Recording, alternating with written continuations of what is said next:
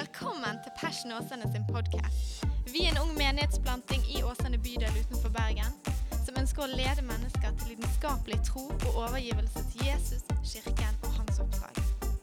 Takk for at du lytter til vår podkast, og vi håper du blir oppmuntret og utfordret i din etterfølgelse av Jesus. Teksten vi skal lese, er å hente fra Hebreabrevet.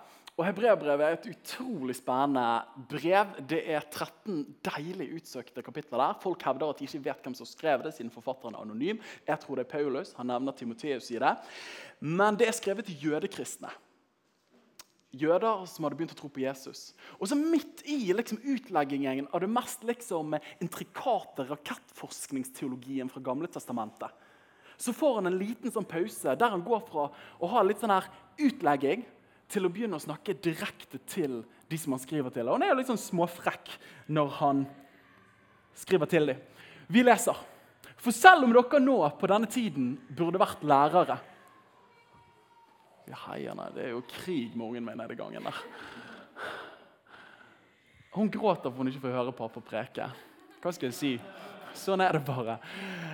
For selv om dere på denne tiden burde vært lærere, trenger dere igjen at noen lærer dere hva som er de første grunnleggende sannhetene i Guds ord.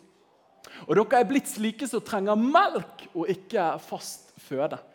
For hver den som bare får melk, er uskyndig i rettferdighetens ord, for han er et spedbarn. Men fast føde er for de som er modne.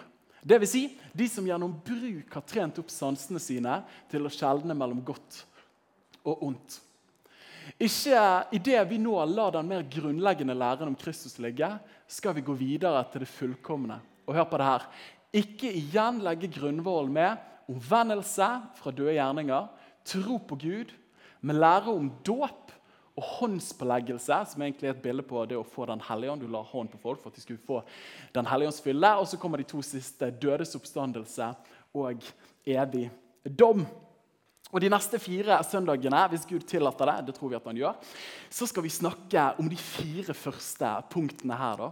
Omvendelse, tro, vanndåp og åndsdåp. Og Det kommer til å bli juicy. Jeg preker i dag, Mats kommer til å sprette av gårde neste uke. Så kommer jeg tilbake igjen for å ta dåp. og Det er liksom dagen du har lyst til å være her hvis du lurer på hva du egentlig bør mene om dåp. Hva vi tror Bibelen sier om dåp. Og så den fjerde så kommer vår gode venn Steinar Lofne skal snakke om det å leve et liv i Den hellige ånd. Og Det er jo intet bedre enn han å få på det. Han er jo ja, han er et eller annet veldig bra når det kommer til Den hellige ånd. Men vi har kalt den serien her for Basic. Ikke en god start. Det var første tittel jeg tenkte på, men det ble Basic. Og eh, Er det greit å se litt på iPaden i dag? For i dag er det bare litt for mye. Så jeg klarer å ha dere med selv om jeg ikke hopper rundt. sant? Ok, greit, bra. Jesus, hjelp oss. Amen.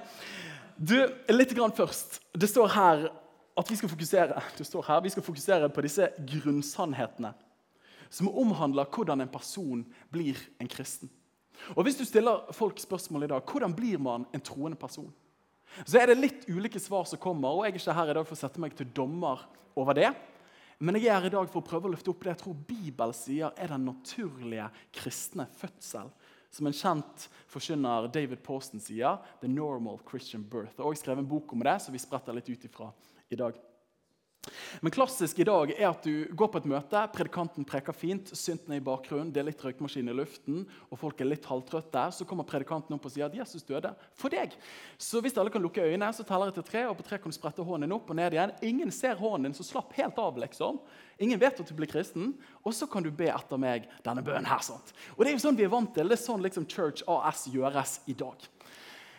Men så begynner jeg å lure på var det sånn de første kristne formidlet troen videre til andre folk? Da? Litt ledende spørsmål, men det skal vi preke litt rundt om i dag.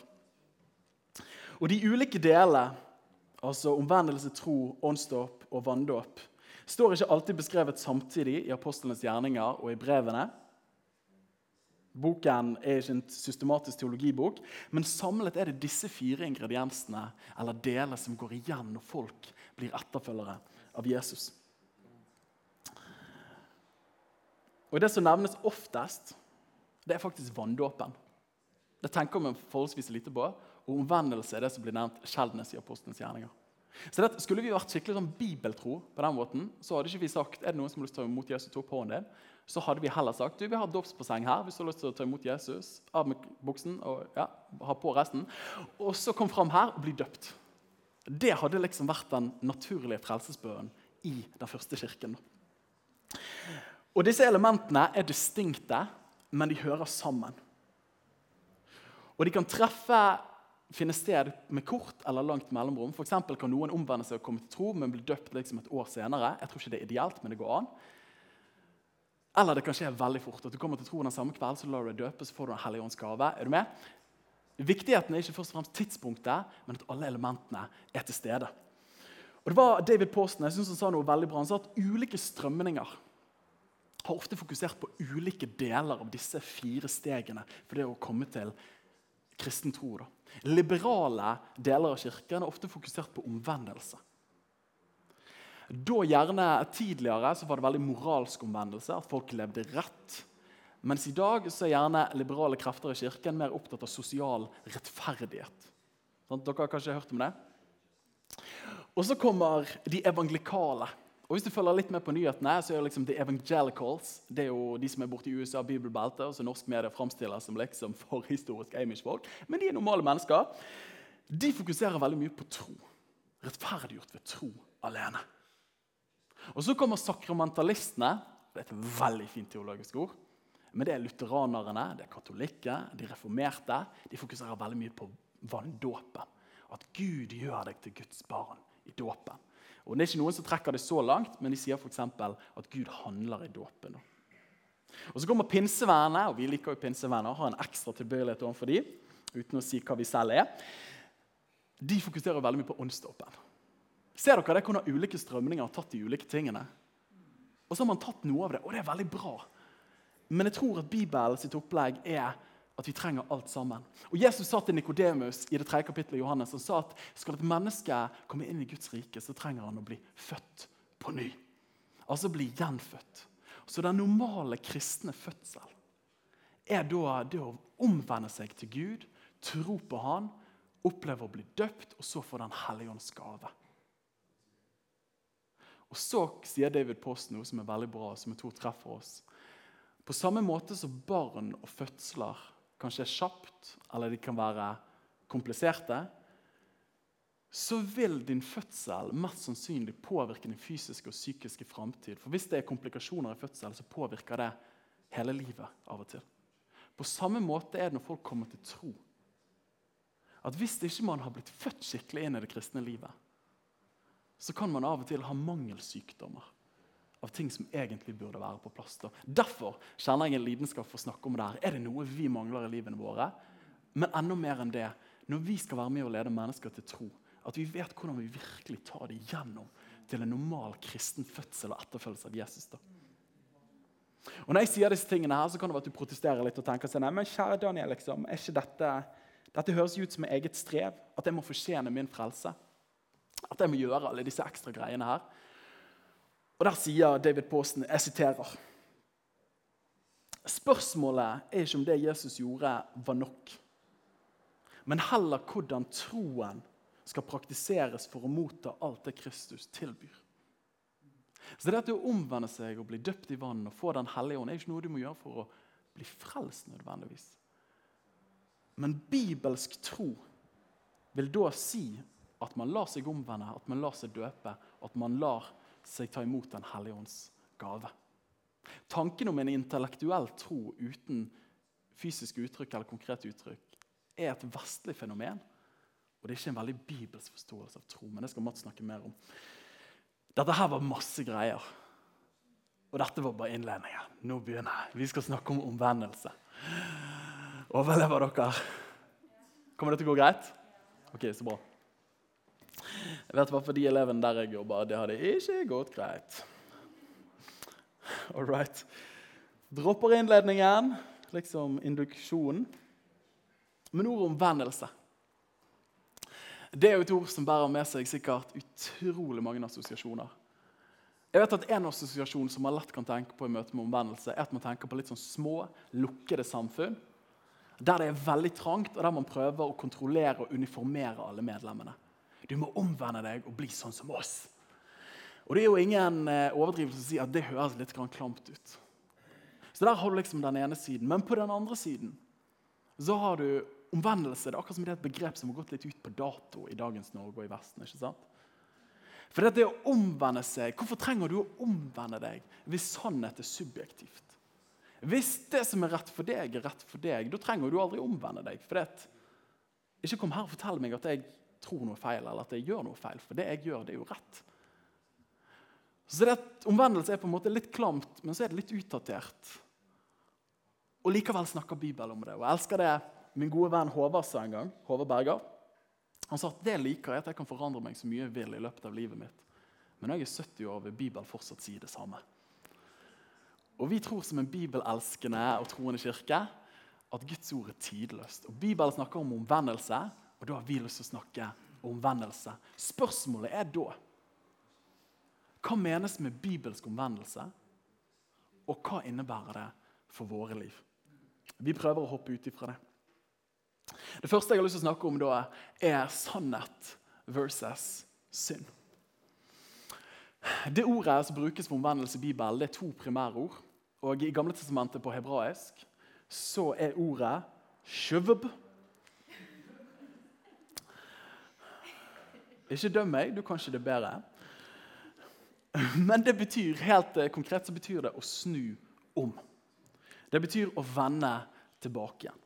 Så det at Hvis jeg er på vei opp til Kiwien der, og så omvender jeg meg i den hebraiske gamletestamentlige betydningen, det betyr at jeg vender om 180 grader med kroppen min og de trange buksene. At jeg vender tilbake igjen til bedehuset. Det ordet som brukes i Nytestamentet, hold dere fast, det er metanoia. Det var litt finere. Og det betyr Meta betyr over eller ved siden av. og Noia betyr jo sinnet ditt. Har dere hørt folk si 'jeg får helt noia'? Jeg får helt sinnet, jeg blir helt sinnssyk. Men det betyr helt enkelt å forandre sin tankemåte. Å tenke annerledes og få et nytt sinn. Og gode nyheter da, Selv om det ordet er utdatert i dagens samfunn, så brukes det over 80 ganger i Det nye testamentet. Halleluja. Vårt norske ord samstemmer da mer med det hebraiske ordet som betyr egentlig å omvende seg, det er jo veldig konkret, er venner om. Mens det nytestamentlige handler mer om å få et nytt, ny måte å tenke på. Og Når du leser Bibelen, så er Bibelen full av dette ene ordet omvendelse. Profetene i Gamle testamentet snakket om det, apostlene i Nytestamentet snakket masse om det. Og Hvorfor utfordrer da Guds ord alle mennesker til å omvende seg? Jeg tror at det helt enkle svaret dette er jo litt sånn elementær teologi. Men du har Adam og Eva i hagen. Gud skaper alt, og han sier at det er overmåte godt. I sin frie vilje så trosser da Adam og Eva Guds gode vilje, som er sannheten. Den ypperste sannheten. Og Så finner syndefallet sted, og synd betyr helt enkelt å bomme på målet. Så da har du Guds sannhet som han skapte, som er helt fantastisk, som er fullkommen. Og så kommer synd inn og syndefallet, som betyr å bomme på målet. Og på en måte så har synden en egen sannhet. Og synd er på mange måter bare pervertert sannhet. Den sannheten som Gud tenkte, perverterer synd, så blir det annerledes. Er dere med meg?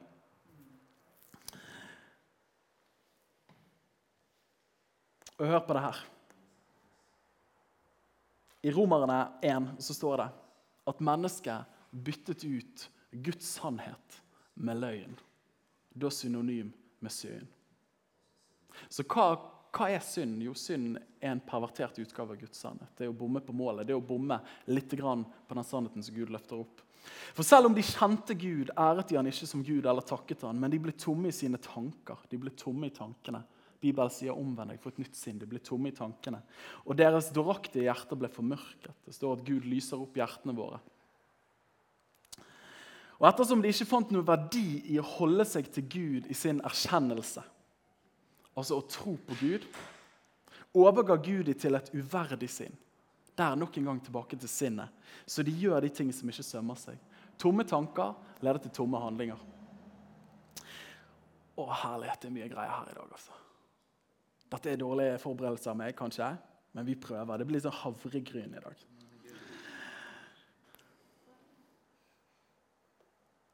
Så står det i 2. Timoteus 2,25 så står det og Gud, om han vil gi dem omvendelse Her kommer omvendelse igjen.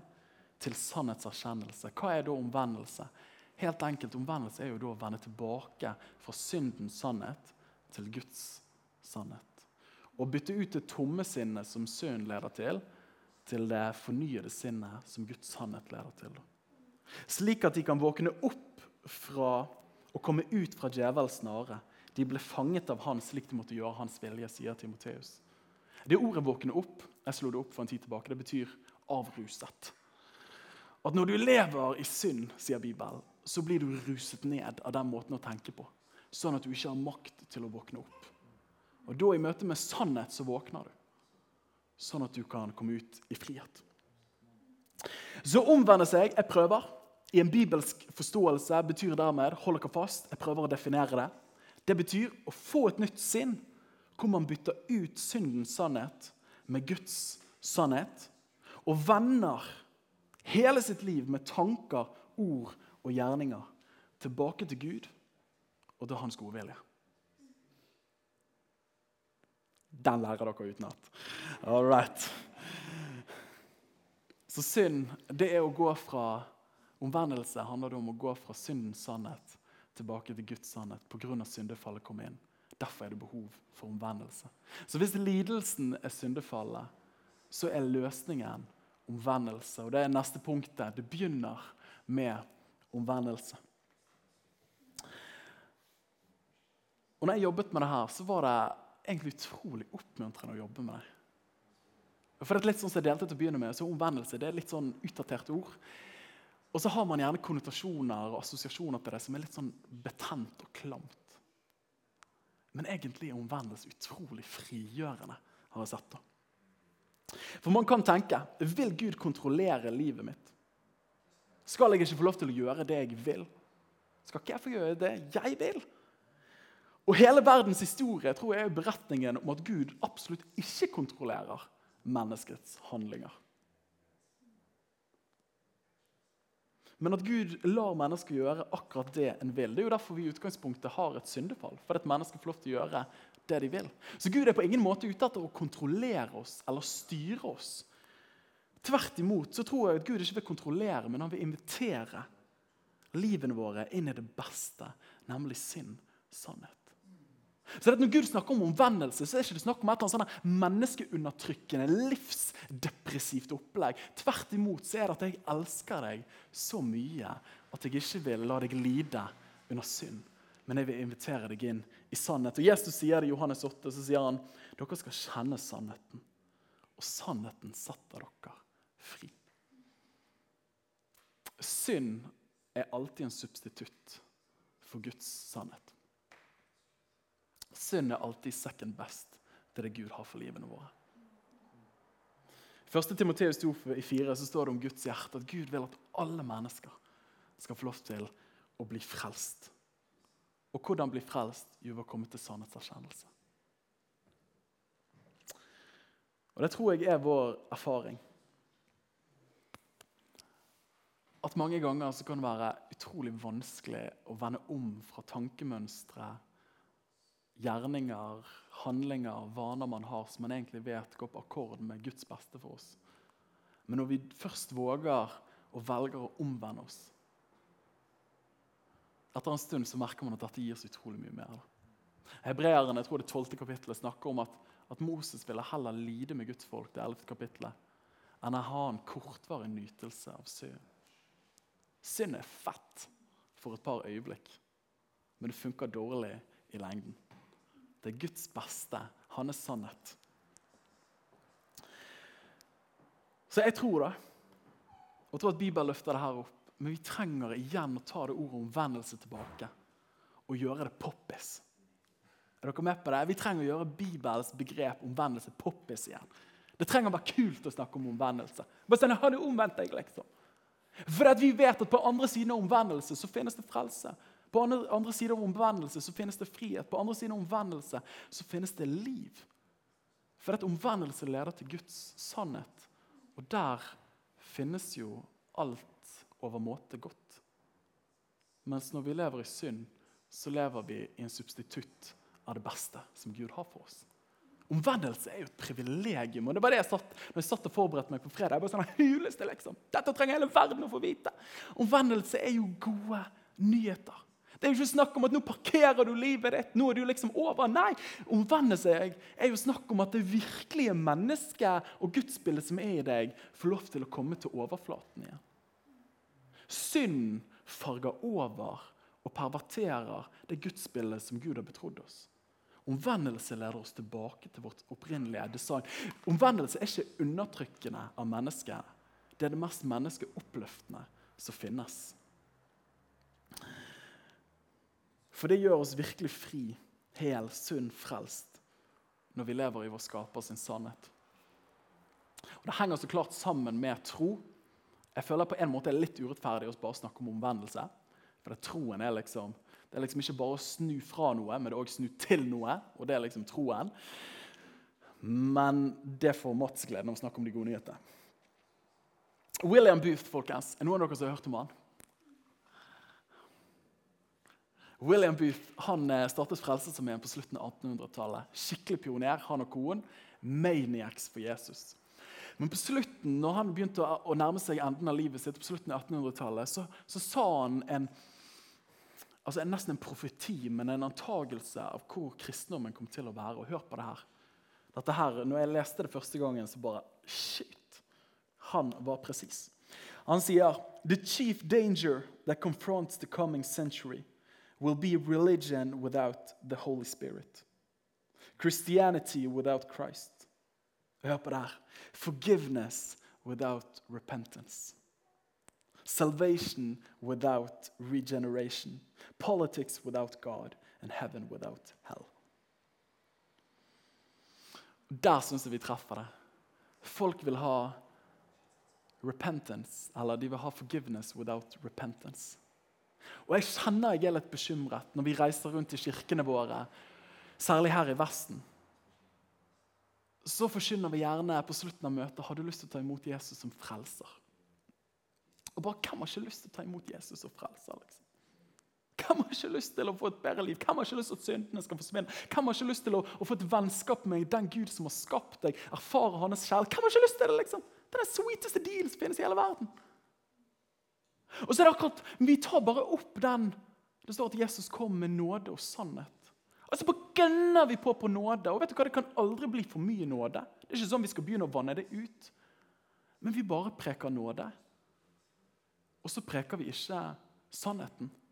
Så folk vil ha Jesus som frelser, men de vil ikke ha han som herre. Jeg tror at det er et kjempeproblem. Hvorfor det? Jo, fordi at Den kristne fødselen blir så halvveis. Man får komplikasjoner. Man kommer ikke inn i den virkelige fylden. Og jeg vil påstå her i dag at Guds kjærlighet inneholder både nåde og sannhet.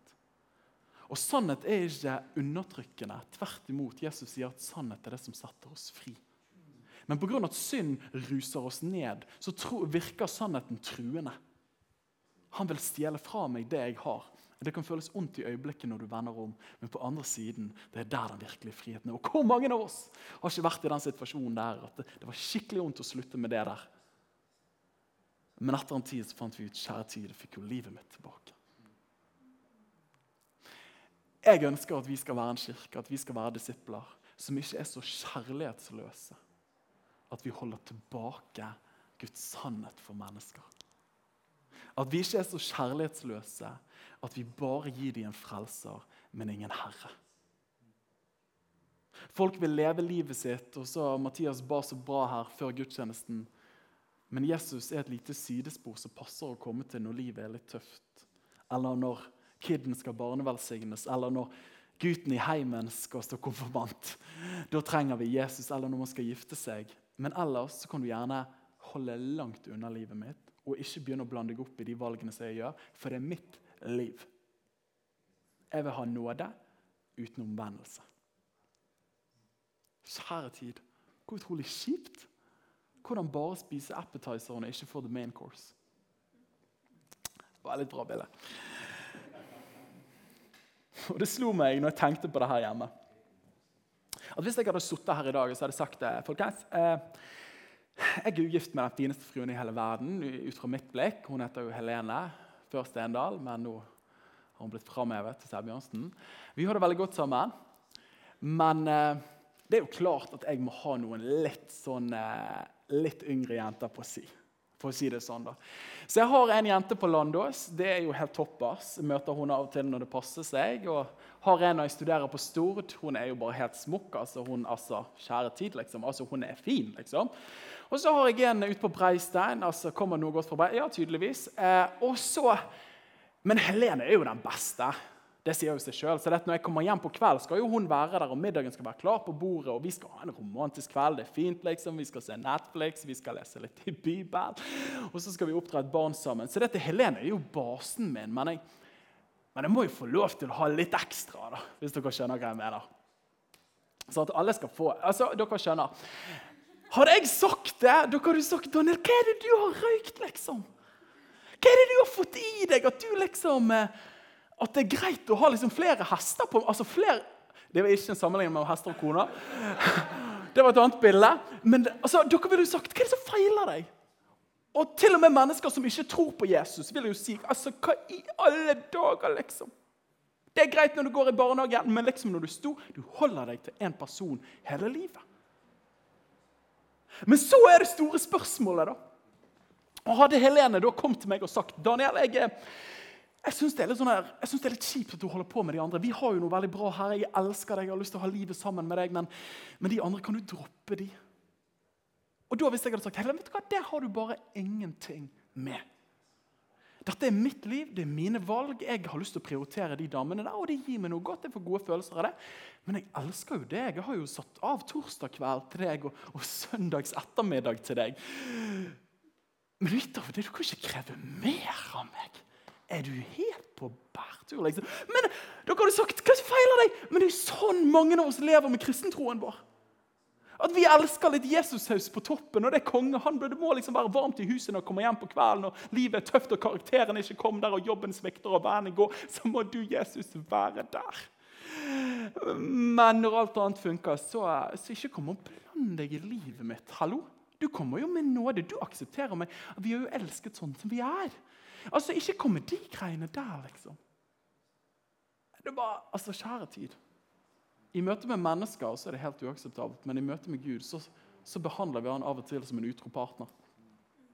At han passer seg av og til, men vi gir han ikke Han er ikke bare frelser, men, men han blir ikke herren vår. Det er en kjempeutfordring. Og her kaller Bibelen oss til virkelig omvendelse. Hva er omvendelse? da? Det er å si ha det til alle andre elskere i livet ditt. Det er å si ha det til alle andre kjærester i livet ditt. Til alle andre avguder. Og si at vet du hva? Takk for nå og takk for alltid. Dere ga meg ikke en døyt, og nå går jeg til Han som elsker min sjel for evig. Og jeg gifter meg med Han, billedlig talt, for alltid. Og det å ha en herre er ikke forferdelig. Det er tvert imot der livet finnes. Preker er greit? Så kan du få si amen. Så bra. Og hør på det her. Jeg tror vi trenger da å få denne livgivende omvendelsen tilbake. Å holde den tilbake er det mest kjærlighetsløse vi kan gjøre. Og hør på det her. Jeg, jeg måtte bare ta en liten sånn study. Hvordan var de første kristne forkynte? Hadde de liksom lukka øynene igjen opp med en hånd, røykmaskinen er her. Det er noen som ser, men ingen ser at hånden din går opp. Har ikke lyst til å si det til noen. Det er helt greit. Gud ser. Det var ikke helt sånn jeg fant det. Markusevangeliet, første kapittel og det 15. verset. Er du klar over de første ordene Jesus sier Hold deg fast, dette er ikke søkervennlig, men det er Jesus. Han sier 'omvend dere' og tro på evangeliet. Se for meg å starte en kirke. Det første du sier, er ehm, Kan ikke bare omvende deg. Ja, Det er ikke sikkert det funker. Peters tale på pinsedag, kirkens første offentlige tale som er skrevet ned, de hadde jo ingen erfaring på den tiden. her. Så dette, hvordan er det han preker? Folket spør liksom, hva skal vi gjøre for å bli frelst etter han hadde prekt knallbra. Og Så sier han det vet du, i Apostelens gjerning 238. Så sier han, 'Omvend dere!' Og enhver av dere skal la seg døpe på Jesu Kristi navn. Der har du dåpen til syndenes tilgivelse, og dere skal få Den hellige ånds gave. Der har du den hellige ånds gave. Der ser du alle de tre, og tro er implisitt der. Og til folkemengden på tempelplassen ett kapittel senere, i det tredje kapittelet, etter at de har helbredet en lam mann Hør på det her. Du skulle tro liksom han har fått litt mer erfaring nå. Var litt mildere i kantene. Ikke så giret at Den hellige ånd nettopp hadde falt på han. Så var litt mer sånn sensitivt. Men så begynner han, så sier han, 'Få et nytt sinn, og omvend dere.' Er liksom ikke nok med å si 'omvend dere', selv om det betyr det samme. Få et nytt sinn, og omvend deg. Come on, pizza. Og Så går han videre i det femte kapittelet foran Det høye råd. Etter at de har blitt tatt inn for høye rådet i Jerusalem, han og Johannes. og Johannes er jo beskjeden, han er jo kjærlighetens apostel, så han tør ikke si noen ting. Sier ingenting, Men Peter preker. Og skulle liksom tro, i hvert fall foran de høye rådet, så er han i hvert fall ikke altfor freidig og frimodig. Men da kjenner ikke vi Peter godt nok. Hør på hva han sier til dem. Han sier Gud har opphøyet Jesus ved sin høyre hånd til fyrste og frelser for å gi omvendelse og synder tilgitt. Og I Samaria så har Philip han hatt vekkelse der i 8. kapittel i Apostelens gjerninger. og Det har liksom vært her herlig. Og Folk blir helbredet, demoner forsvinner ut. Og alt sånn. Og Så får de litt backup fra Jerusalem. Da. Så kommer Peter ned, og du bare tenker liksom Han! Nå blir det bra, liksom. Philip han visste jo ikke hva han gjorde når han fikk Peter ned. liksom. Han var jo svovelpredikant. Så han møter liksom trollmannen Simeon. da.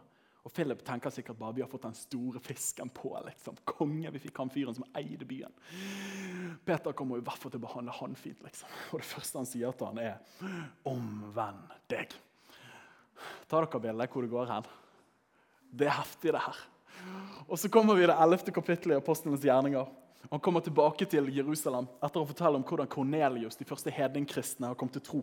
Så sier han så har altså Gud gitt hedningfolkene omvendelse til livet. Andre siden av omvendelse livet. Og Paulus, Jeg digger Paulus. Jeg skal ikke gå igjennom hele Bibelen, men dere tar bildet. Paulus forkynner i Aten, som er datidens altså gresk sivilisasjon. er jo liksom toppen av akademia og tanke. Det er liksom, der må det være, må det være formulert bra, det må være velartikulert, det må være smart, det må være resonnert. Og alle de fremmedordene som ingen av oss forstår så mye av. Så kommer han der og forkynner på Aeropagos. Og vet du hvordan han forkynner? Jeg digger det her. Se for deg synten i bakgrunnen, og så sier han Så har altså Så står det her, ja. Men nå begynner først Han sier at Gud har holdt ut med folk i tidligere tider. Men nå befaler Gud alle mennesker, alle steder, til å omvende seg. Halleluja. Til og med for de mest fremstående.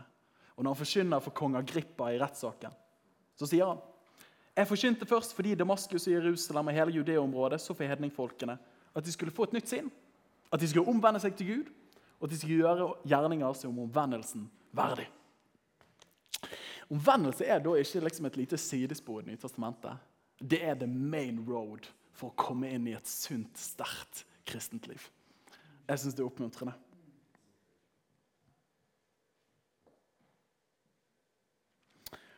Nå går jeg inn for ending. Det siste pointet er en hel omvendelse. Så hva betyr dette her for livene våre? Jeg tror at omvendelse er startfasen på det å komme til en tro og en etterfølgelse av Jesus. Det er den første del av fødsel sammen med troen.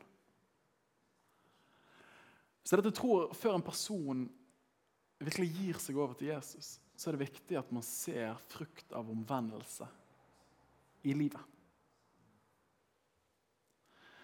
Og Du kan ikke forvente total omvendelse. Det ville være å forvente helliggjørelse før rettferdiggjørelse. Det funker ikke. Men at det er nødt til å være en overgivelse til omvendelse, må være der i begynnelsen.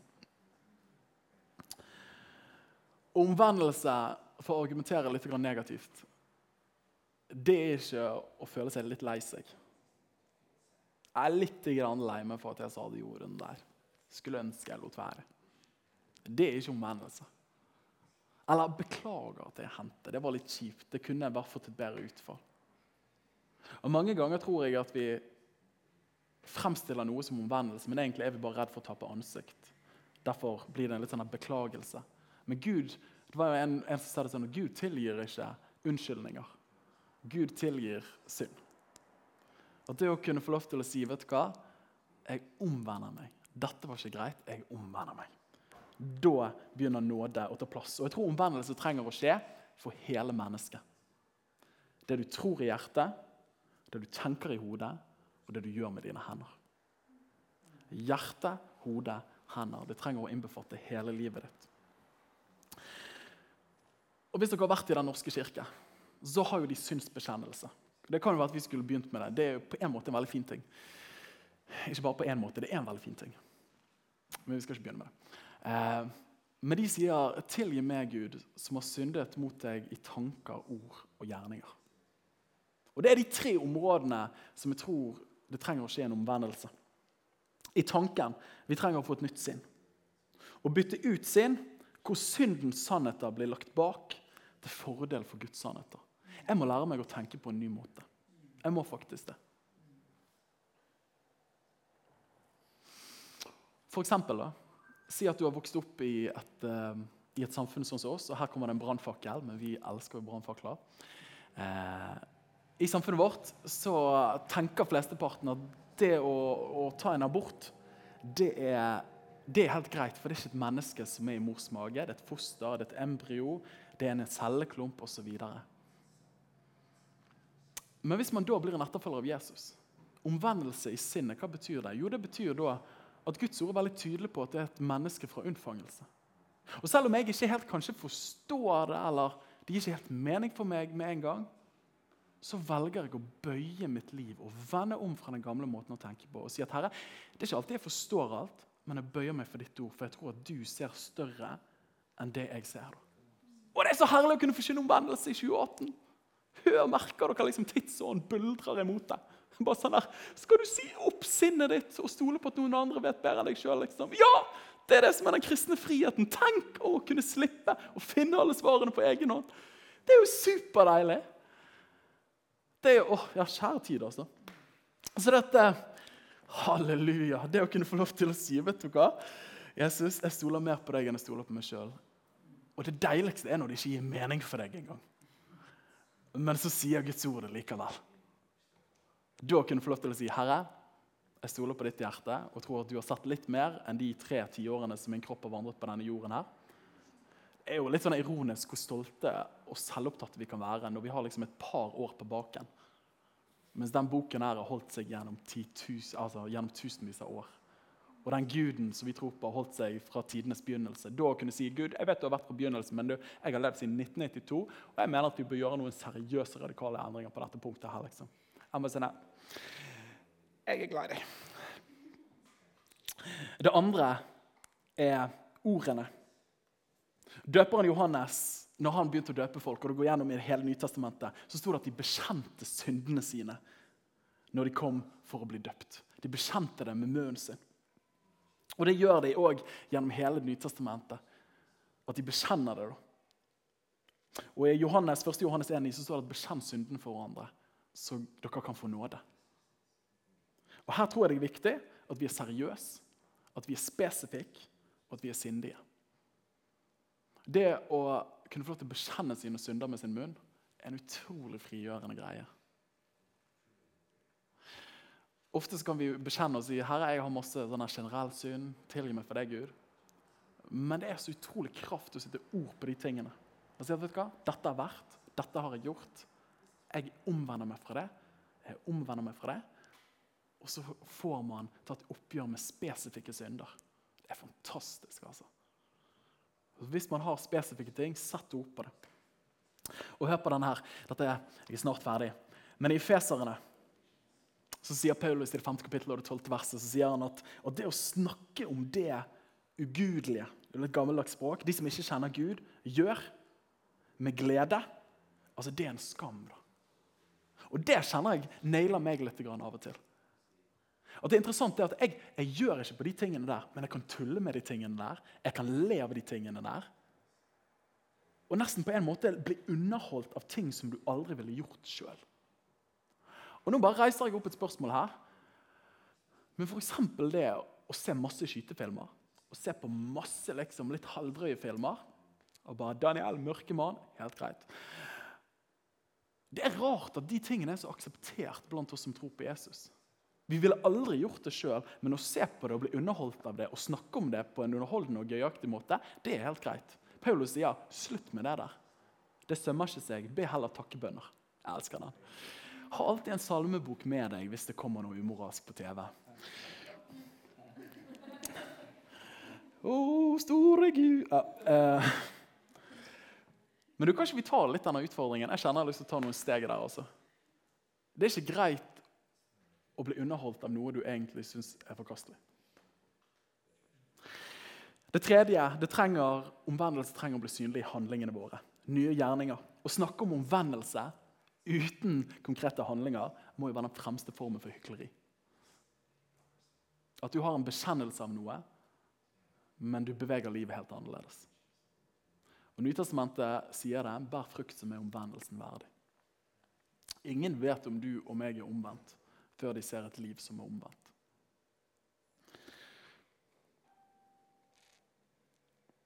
Og jeg husker når jeg I ungdomsarbeidet når jeg vokste opp, så var det utrolig populært av og til når vi hadde hatt sterke møter. Det var at Du skulle finne alt mulig rask du hadde i huset ditt, som var ikke rett fra himmelen, men fra et annet sted veldig varmt. sa man gjerne. Og så skulle vi ta og knuse det, eller skulle vi ta og brenne det.